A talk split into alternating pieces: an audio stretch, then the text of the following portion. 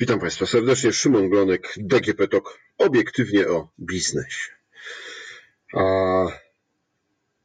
dzisiejszy temat w tym podcaście to znów prawo, znów prawo w internecie, ale myślę, że tym razem e, zainteresowani będą moi e, koledzy, moje koleżanki, dziennikarze, redaktorzy, e, ale też wydawcy mediów, bo będziemy z e, panią Anną Szymańską z e, kancelarii Medialą mówić na temat tego, co się zmienia w dyrektywie, o której już było kilka odcinków i zachęcam Państwa do posłuchania. Jeśli chodzi o prawo prasowe, jeśli chodzi o to, co mogą dziennikarze, jakie prawo mają wydawcy, E, oczywiście też jaka odpowiedzialność na nich mm, jest e, położona. E, a jak do tego wszystkiego mają się giganci internetowi, czyli te wielkie platformy? Pani Janno, czy coś pomyliłem?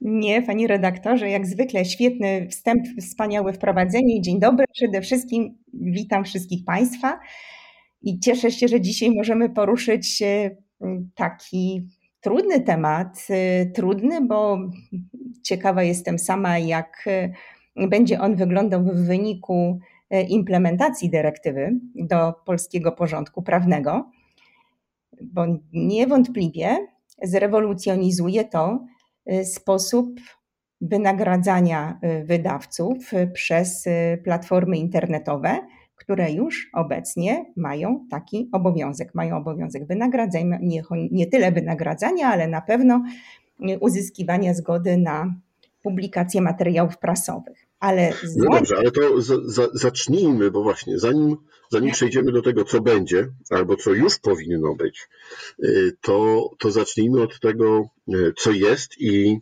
y, co było. No bo wydawcy prasowi od jakiegoś czasu, i to czasami słyszymy, bo są to spektakularne informacje, e, procesują się z czy to Facebookiem, czy to z Googlem, powiedzmy otwarcie, e, na temat właśnie korzystania z e, treści, jakie są zamieszczane, czy też, no, brzydkie słowo, produkowane, ale przez, przez dziennikarzy i udostępniane przez wydawców prasy.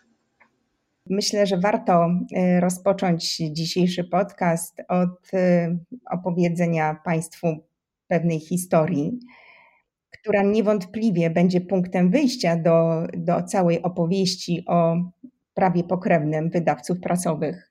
Całkiem nowym prawie wprowadzonym w Unii Europejskiej przez dyrektywę o prawie autorskim na jednolitym rynku cyfrowym, bo pamiętajmy, że cały czas mówimy właśnie o tym e, akcie prawnym, o nowej dyrektywie copyrightowej, e, jak ją nazywam. Czyli co jest podstawą wprowadzenia tego nowego prawa e, pokrewnego? Podstawą tego prawa są i były i są nadal długoletnie procesy, długoletnie spory wydawców prasowych w całej Unii Europejskiej z platformami internetowymi, z gigantami internetowymi. Y, mówimy tutaj głównie o Google i o Facebooku. Spory dotyczyły tego, że wydawcy żądali zapłaty za publikowane na platformach gigantów treści tworzone przez tych wydawców, argumentując to tym, że po pierwsze posiadają prawa autorskie do tych treści, a po drugie poczyniają ogromne nakłady y, i to technologiczne, i osobowe na wytworzenie takich treści. A obecnie w dobie internetu te nakłady naprawdę są no, niebagatelne i to na pewno wszyscy wydawcy internetowi wiedzą, o czym y, mówię i znają, y, znają te liczby. Istotne jest, y, aby wytworzona treść prasowa na siebie mogła zarabiać. Żeby mogła zarabiać, a w internecie zarabia w postaci pozyskiwania reklamodawców, musi być to treść atrakcyjna. I w przypadku, gdy giganci internetowi korzystali z takich treści bez zezwolenia, upubliczniali te treści bez zapłaty wynagrodzenia, wydawcy uznawali taki, takie procedery za godzące w ich interesy, za krzywdzące ich interesy ekonomiczne. Powstawało na tym tle wiele sporów, sporów sądowych. Francja akurat tutaj w tych sporach sądowych przodowała. Procesowała się niejednokrotnie, grupy francuskich mediów procesowały się niejednokrotnie z Googlem na temat korzystania z ich treści na platformie. W wyniku tego zostały zawarte ugody we Francji, na podstawie których Google musiał zapłacić wydawcom prasowym około 63 e, milionów euro. Spory te w wyniku tych ugód zostały zakończone. W Europie również wydawcy rozmawiają o stworzeniu jednej organizacji zbiorowego zarządzania reprezentującej interesy wydawców, która miałaby negocjować warunki wykorzystywania takich treści wydawców, treści wydawców i pośredniczyć w rozmowach z gigantami. Już po wprowadzeniu w życie, wejściu w życie dyrektywy, Google zawarł umowy z 300 wydawcami w Europie w sprawie opłat za treści, czyli te rzeczy się już dzieją i dyrektywa faktycznie działa i o dyrektywie zaraz będziemy mówić, ale właśnie najpierw o tym problemie w Niemczech, na Węgrzech, we Francji, w Austrii, w Holandii i w Irlandii. Takie umowy Google z wydawcami y, już y, zawiera. Google, co więcej, zapowiada wprowadzenie narzędzi do sprawnego zawierania y, umów, więc te negocjacje trwają. W Polsce Google wprowadził program licencjonowania treści wydawców informacyjnych. Do tej pory przystąpiło do niego 20 E, wydawców. E, czyli te spory, które dotychczas w Europie trwały, e, zaczynają mieć swój finał albo w ugodach zawieranych z gigantami. Na razie z jednym gigantem, z Googlem, to oczywiście dotyczy to pozostałych również gigantów internetowych, bo dyrektywa w tym zakresie dotyczy mediów społecznościowych jako takich, czyli również Facebooka. Y, dotyczy YouTube'a, dotyczy Instagrama, czyli dość, y, dość szeroko. Y, I w związku z takimi problemami powstała potrzeba uregulowania tych kwestii, czyli kwestii odpłatności za treści wydawnicze, wydawców prasowych przez dyrektywę. I to rzeczywiście nastąpiło. Dyrektywa w sposób wyraźny kształtuje prawa pokrewne dla wydawców prasowych, ale również y, uwzględniając ich interesy, kładzie nacisk na to, żeby nie ograniczać y, prawa dostępu do informacji y, użytkowników końcowych. Czy to się uda? No zobaczymy. Na razie Unia Europejska już jest w procesie implementacji. Y, my nadal czekamy na implementację y, dyrektywy w tym zakresie. Y, ona będzie miała duże znaczenie, ta implementacja dla praw dziennikarzy i też o tym będę chciała później Państwu powiedzieć. No ale może zacznijmy od tego, co dyrektywa wprowadza? Co to jest to, y, to nowe prawo y, pokrewne? A to jeszcze może jedno pytanie, tylko bo wymieniła Pani kraje, w których już y, na przykład Google porozumiał się z wydawcami, podpisuje tam umowy. Czy to jest tak, że w tych krajach, czyli właśnie Francja, Niemcy i tak dalej, dyrektywa już jest implementowana E, już jest wydane odpowiednie prawo krajowe i to też przyczyniło się do podpisania tych umów? Tak, na pewno tak. Na pewno tak. W niektórych krajach te prace są bardzo zaawansowane, powstają akty prawne, także no na pewno tak. Dyrektywa, proszę pamiętać, obowiązuje nawet kraje, które jeszcze jej nie implementowały, więc, więc ta implementacja na pewno pomaga, ponieważ pomaga poszczególnym krajom zaimplementować ją w sposób kompatybilny również do obowiązujących przepisów, tak? do przepisów y, u nas, chociażby jeżeli chodzi o prawa dziennikarzy dotyczących prawa pracy, czy do innych uregulowań prawa własności intelektualnej w ogóle, no bo prawo musi stanowić pewien spójny konglomerat.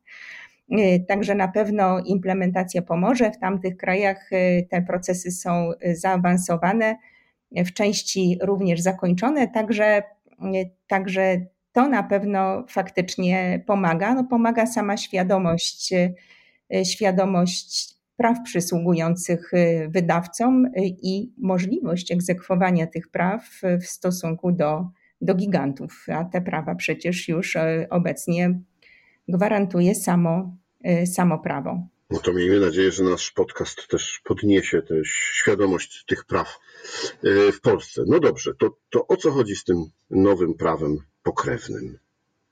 No właśnie. Y, wydawcy prasy co do y, zasady poprzez upublicznianie i korzystanie z ich treści przez platformy internetowe byli pozbawiani, są nadal znacznej części dochodów z reklam, tak jak już wspomniałam, ze względu właśnie na działania platform.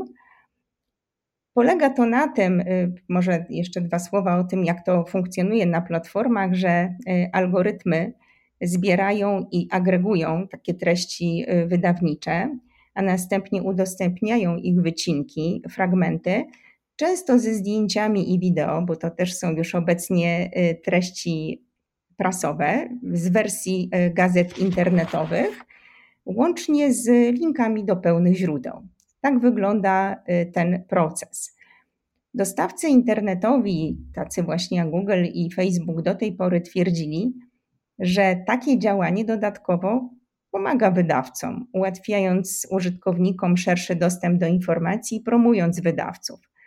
No, jednak y, wydawcy, też taka jest podstawa w ogóle wprowadzenia tego prawa pokrewnego, twierdzą i nie bez racji, że użytkownicy sieci po zapoznaniu się z takimi fragmentami utworów już nie przechodzą do oryginalnego materiału prasowego, nie generują ruchu na platformach y, wydawców, następuje automatyczna utrata przychodów, które powstają zamiast u wydawcy, y, powstają u dostawcy usług internetowych.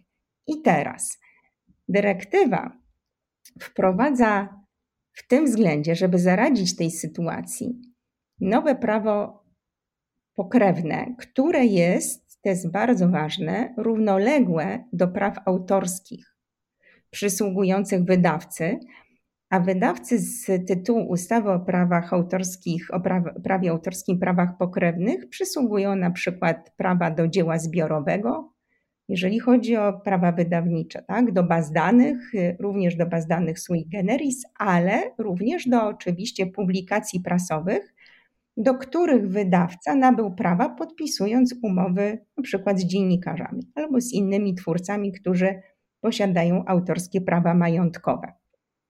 Jest to prawo wyłączne y, i prawo pokrewne, nowe prawo pokrewne jest nowym prawem wyłącznym wydawców prasowych, z którego wynika, że bez upoważnienia wydawcy treści prasowe, i pamiętajmy, że treści prasowe już w tej chwili są rozumiane szeroko, czyli to są treści, zdjęcia, wideo albo różne inne treści multimedialne, czyli bez zezwolenia wydawcy takie treści nie mogą być reprodukowane lub publicznie udostępniane online. To jest też istotne. Y, o, i tyle. Tak to właśnie wygląda. Czyli, y, bo dyrektywa dotyczy świata cyfrowego, pamiętajmy, tak? Czyli udostępniania treści w sposób. No tak. Y, od razu pojawia się pytanie, czym jest to upoważnienie wydawcy?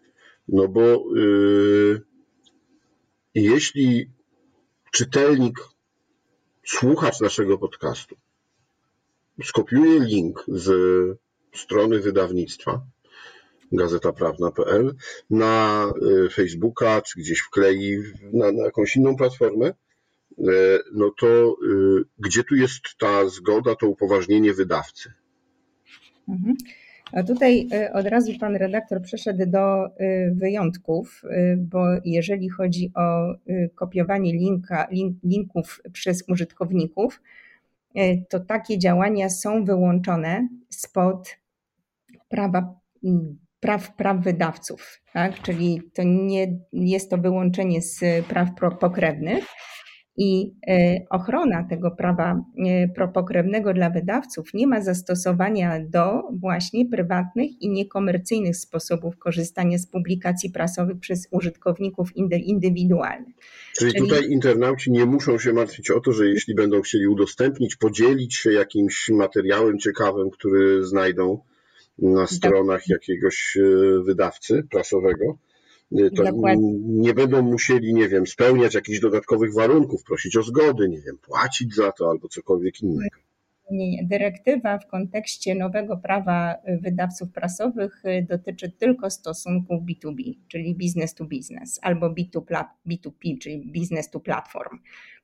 Taka jest zasada, także użytkownicy mogą, mogą spać spokojnie prawo pokrewne wydawców prasowych jest, można powiedzieć, w tym kontekście prawem czysto biznesowym, chroniącym y, nakłady i chroniącym przychody, które mają powstać z tytułu ponoszenia nakładów na wyprodukowanie treści prasowych, y, czyli w celach informacyjnych.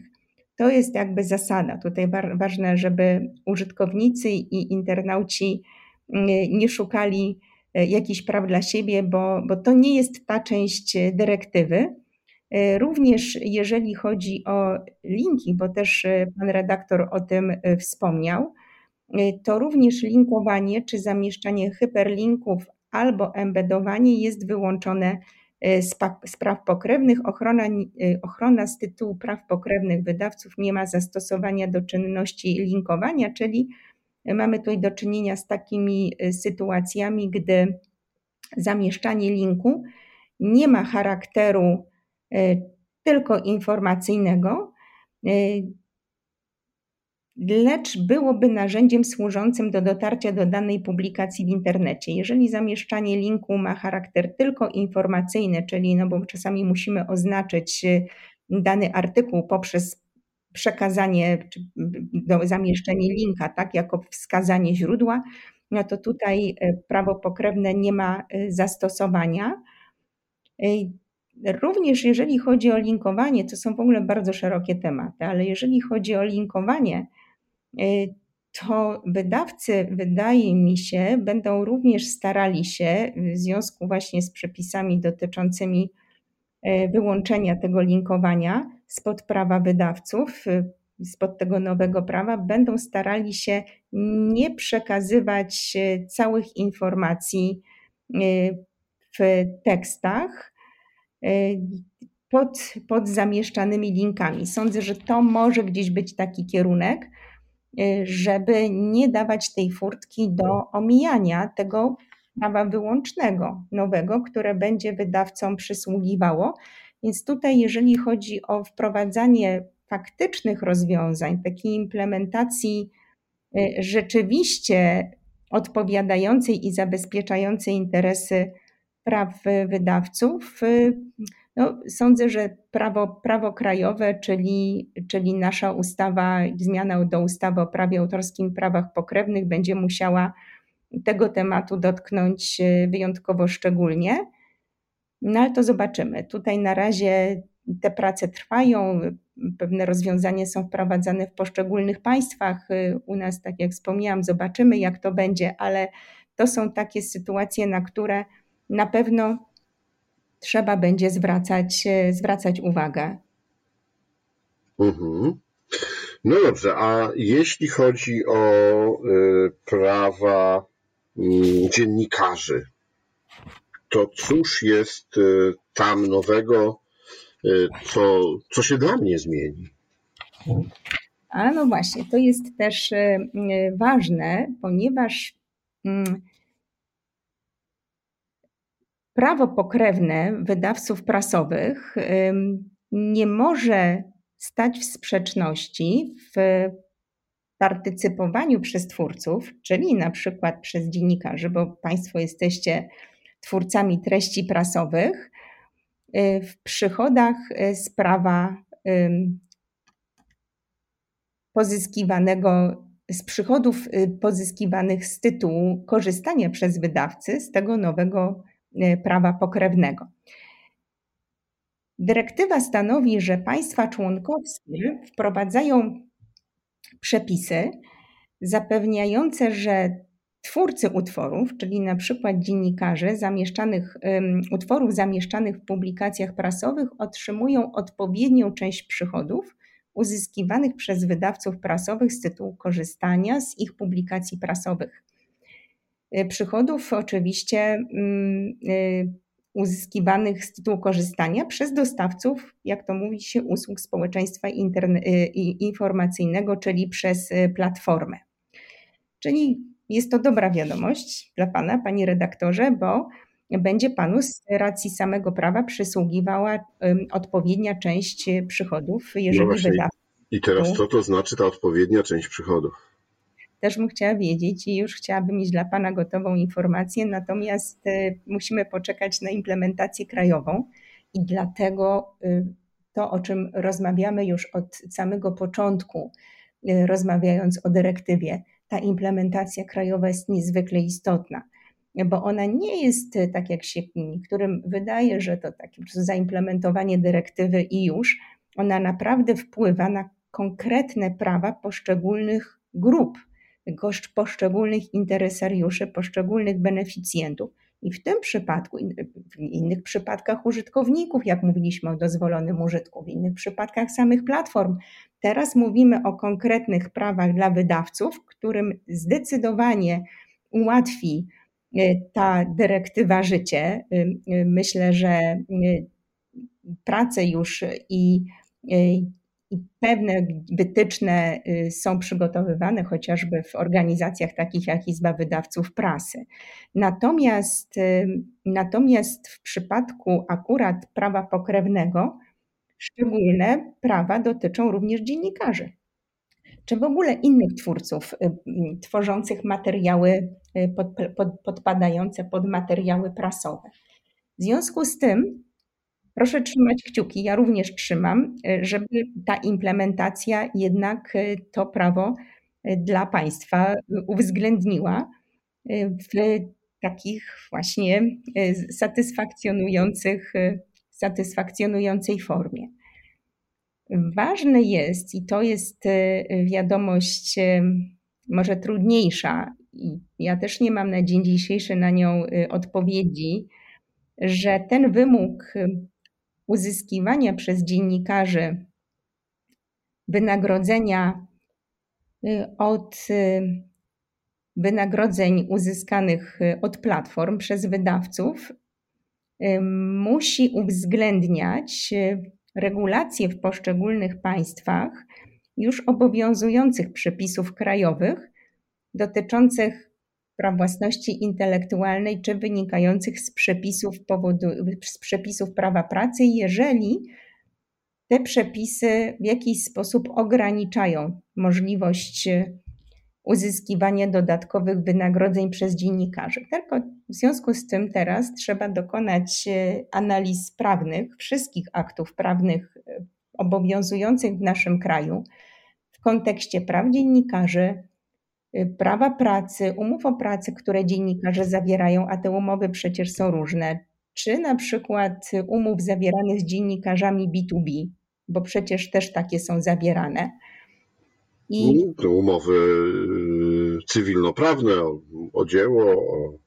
Cywilnoprawne, o dzieło B2B, bardzo różny, wiele jest form. W związku z tym trzeba będzie bardzo wnikliwie, żeby no prawo nie musi być spójne. Tak jak wspomniałam, musi Y, się y, ze sobą, przepisy muszą ze sobą się łączyć, y, nie mogą się wykluczać, przynajmniej tak powinno być. W związku z tym, jeżeli chodzi o wprowadzanie tych regulacji jako praw dodatkowego wynagrodzenia właśnie od przychodów uzyskiwanych przez wydawców z tytułu publikacji cyfrowych, z tytułu publikacji online, no te przepisy będą musiały być wprowadzone po dokładnej analizie wszystkich przepisów obowiązujących w naszym państwie. Czyli w tym temacie pozostaje nam trzymać mocno kciuki za e, prawodawcę, e, żeby rzeczywiście e, dobrze zaimplementował, dobrze z mojego punktu widzenia jako dziennikarza, zaimplementował te przepisy. No dobrze, i co jeszcze mamy? No bo powiedzieliśmy o tych sporach między wydawcami a gigantami, a platformami internetowymi. Powiedzieliśmy o tym prawie dziennikarzy, ale też y, prawie pokrewnym. Jakie jeszcze mamy tematy w obrębie tych, y, tych rzeczy związanych z wydawcami, dziennikarzami, a platformami? To ja jeszcze y, dwa słowa o, o jak, jakieś może pozytywne, tym, tym, tym razem trochę bardziej dla dziennikarzy. Bo jest jeszcze jedna kwestia, na którą warto zwrócić uwagę, że prawo pokrewne wydawców nowe nie ogranicza eksploatowania przez samych twórców, czyli właśnie przez dziennikarzy na przykład, ich praw wyłącznych, ich praw autorskich. I nie można w żaden sposób pozbawić państwa, znaczy państwa jako państwa dziennikarzy, prawa do eksploatacji Y, swoich utworów, niezależnie od publikacji prasowej, w skład której wchodzą te utwory. To jest y, też ciekawe, tak stanowi dyrektywa. Tutaj oczywiście znowu muszę zaznaczyć, że to wszystko będzie zależało od, od, od formy i treści podpisanych przez y, twórców umów, więc to też trzeba na to wziąć poprawkę. Ale też jest, co jest ciekawe, ponieważ jak to zawsze w prawie bywa, y, przepis jest przepisem, y, dyrektywa y, przewiduje bardzo ciekawe rozwiązania. Natomiast jak zaczynamy wchodzić w każdy taki temat głębiej, to okazuje się, że, że można naprawdę wytworzyć z tego bardzo różne treści. I na przykład, jeżeli wydawca zadecyduje, że udostępni publikację nieodpłatnie, bo może tak być. Wydawca nie ma obowiązku udostępniać publikacji online zawsze odpłatnie. Oczywiście taka jest idea tego prawa pokrewnego i może trudno sobie wyobrazić, że wydawcy teraz z odpłatności za treści zrezygnują, skoro o to walczyli. No, niemniej jednak nie można również y, zabronić wydawcy, jeżeli będzie chciał nieodpłatnie taką y, publikację udostępnić. I ja bym chciał zrobić tutaj jedną, jedną dygresję, może jedno uściślenie, bo mm, powszechne przekonanie jest takie, że to, co jest w internecie, jest bezpłatne, jest darmowe. O, o ile oczywiście no nie ma tych coraz powszechniejszych y, paywalli, y, czyli na przykład, nie wiem, artykuł nie jest tylko w 20% bezpłatny, a w 80% no jednak trzeba wykupić jakiś tam dostęp, żeby go przeczytać. Y, no, nawet jeśli artykuły są bezpłatne w całości, w sensie nie musimy płacić dodatkowo za jego przeczytanie, to płacimy i tak w ten sposób, że są na przykład na stronie reklamy, które musimy obejrzeć, y, które w jakiś sposób, no właśnie, jednak y, sprawiają, że wydawcy zarabiają. Oczywiście, no płacimy, płaci się reklamami, płaci się danymi osobowymi. Także teraz to rzeczywiście nie musi być y, odpłatność rzeczywista w, w, w pieniądzu. Naturalnie, naturalnie tak, wydawcy, wydawcy zarabiają.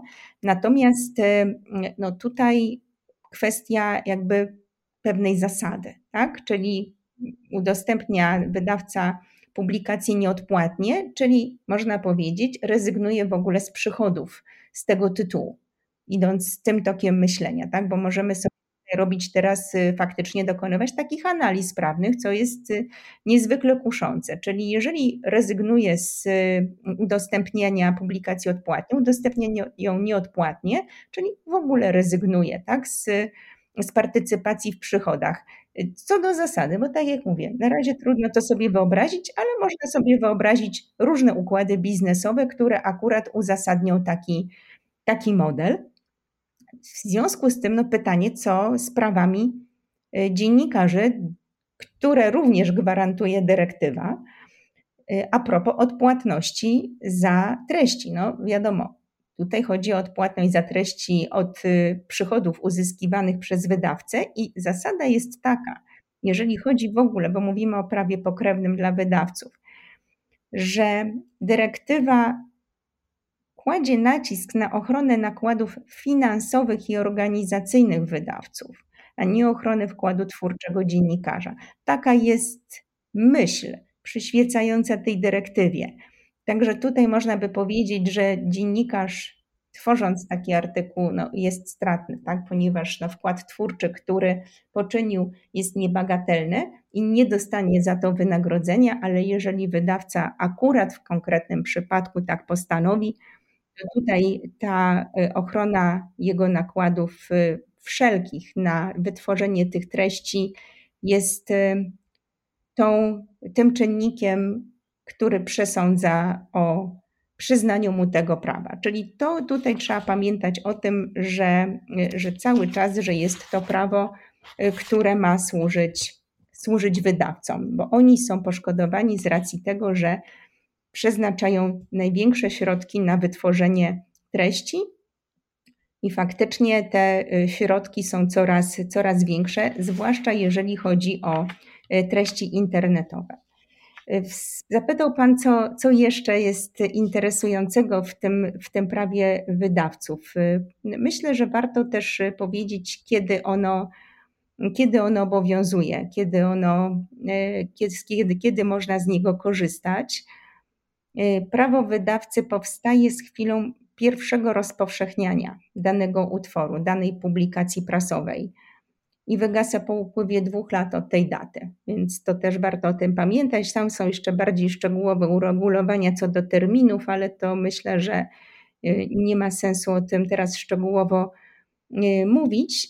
I nie dotyczy prawo pokrewne publikacji prasowych opublikowanych po raz pierwszy przed czerwcem w 2019 roku, przed 6 czerwca 2019 roku, czyli wszystkie publikacje, które powstały już później, y, będą korzystały z tego, z tego właśnie, będą chronione, może w ten sposób, będą chronione tym, y, tym prawem. No dobrze, to, y, to już mamy sporą dawkę wiedzy na temat tego, czego możemy się spodziewać, ale też mamy sporą dawkę niewiedzy, y, bo y, dyrektywa czy też prawo Unii pozostawia dużo jeszcze możliwości uszczegółowienia prawa krajowego przez, przez prawodawcę polskiego. No na pewno tak, na pewno tak, chociaż polski ustawodawca zapowiada, że takie przynajmniej są założenia, które my znamy do tej pory, że dyrektywa będzie implementowana wprost, czyli nie będzie wielkich odstępstw od, od jej treści no ale to, to faktycznie też będziemy, będziemy obserwować, jak to wygląda. Też trzeba uważać na przykład w kontekście właśnie implementowania każdej z instytucji przewidzianych dyrektywą. Trzeba mieć na uwadze, że stwarza jednak ona wiele niebezpieczeństw, do nie, niebezpieczeństw w kontekście potencjalnych nadużyć. I chęci omijania jej założeń, jej przepisów. I zauważam, czytając przepisy tej dyrektywy, że prawo pokrewne dla wydawców prasowych ma szansę być, może, może nie ma szans, ale może być omijane poprzez stosowanie przepisów dotyczących dozwolonego użytku ponieważ dyrektywa wprost mówi, i to jest bardzo słuszne, że prawo prasowe nie ogranicza, nie może ograniczać i nie ogranicza przepisów o dozwolonym użytku. To są oczywiście kwestie, o których już mówiliśmy: prawa cytatu, prawa przeglądów, dokonywania prawa przedruku czy przeglądów prasy. Dotychczas to pan redaktor na pewno dobrze wie, ile sporów wydawcy mieli z tytułu tak zwanych usług press clippingu na gruncie klasycznego prawa autorskiego. W tej chwili trzeba również e, bardzo uważać, żeby stosowanie przepisów, również tych wprowadzanych dyrektywą, ale też tych, które już istnieją, e, przez prawa e, pokrewne nie, nie, nie ograniczało tego, tego prawa. I jeżeli chodzi, bo tutaj jest właśnie ważne to, w kontekście e, stosowania fragmentów publikacji. E, czyli mówię tutaj o tych monitoringach prasy, tak, o, o przeglądach prasy, które e, używały fragmenty publikacji. Tutaj dozwolony użytek, czy to się mieści w przepisach dozwolonego użytku, czy nie. Pamięta Pan, mówiliśmy o tym teście trójstopniowym, że ma nie godzić słuszny interes twórcy. To też kwestia, czy coś pewne, pewne działania prawne mieszczą się w pojęciach dozwolonego użytku, czy wykraczają poza ten dozwolony użytek, jest kwestią badania każdej sprawy odrębnie. Natomiast y, trzeba uważać, i to też sądzę byłaby szansa do uregulowania przez ustawodawcę krajowego. No, tu musiałaby być bardzo szczegółowa już Y, taka regulacja wprowadzona, ale z drugiej strony może warto się po nią, o nią pokusić, y, żeby bardziej szczegółowo uregulować y, te kwestie. Właśnie, bo co do zasady ochrona, tak jak wspomniałam, właśnie prawa pokrewnego nie ma zastosowania do pojedynczych słów lub bardzo krótkich fragmentów publikacji prasowej. To są te wyłączenia, no i tutaj otwiera się, to z automatu widać, że otwiera się furtka. Y, czyli pojedyncze, krótkie fragmenty publikacji, plus dokładamy do tego przepisy o dozwolonym użytku. No i warto tu się zastanowić, żeby, żeby złapać ten, y, to, tą równowagę. Tak, tak, bo znowu pojawia się pytanie, a co to jest krótka, yy, krótki fragment? No właśnie, będziemy się na tak, to na pewno się będziemy jeszcze z tym mierzyć. Natomiast y, właśnie podsumowując, y, warto, warto pamiętać y, o tym, że jest to prawo nowe, wprowadzane w celach ochrony interesów wydawców i słuszne, bardzo słuszne, ponieważ obecnie no, toczące się już i głównie w państwach zachodnich, we Francji, w Holandii, w Niemczech spory o treści no, przybierały już y, bardzo duże rozmiary. Y, też, nie wiem, pamięta Pan na pewno kwestię australijską, czyli walkę rządu Australii z Googlem i Facebookiem. Tak, tak. Wszyscy kibicowali bardzo mocno temu. Wszyscy kibicowali mocno rządowi Australii, chyba, tak powiem. Tak, tak, tak. No, no więc właśnie i tam rzeczywiście mm, były różne zwroty akcji. To, to, to było jak e, dobry film Hitchcocka, którego już tutaj przywołujemy często, no bo to tak wygląda. I na tych rozwiązaniach australijskich e, również e, opierały się rozwiązania w kwestii ugód zawieranych między na przykład właśnie Francją a Googlem czy y, te rozwiązania również służyły później już y, firmie Google w konstruowaniu tych już ponad 300 umów z wydawcami w całej Europie. Czyli konkluzja jest taka, że ten kierunek odpłatności za treści wydawnicze, które powstają ogromnymi nakładami wydawców y, i ogromnymi nakładami osobowymi, y, technologicznymi, y, wszelkimi innymi, bo internet jest niesamowicie konkurencyjny obecnie. No, nie wystarczą już w tej chwili świetne jakościowo treści, musi być cały zestaw czynników, które, które powodują, że że prasa, zwłaszcza w internecie, będzie po prostu dochodowa. Więc taka, takie rozwiązanie na pewno jest słuszne.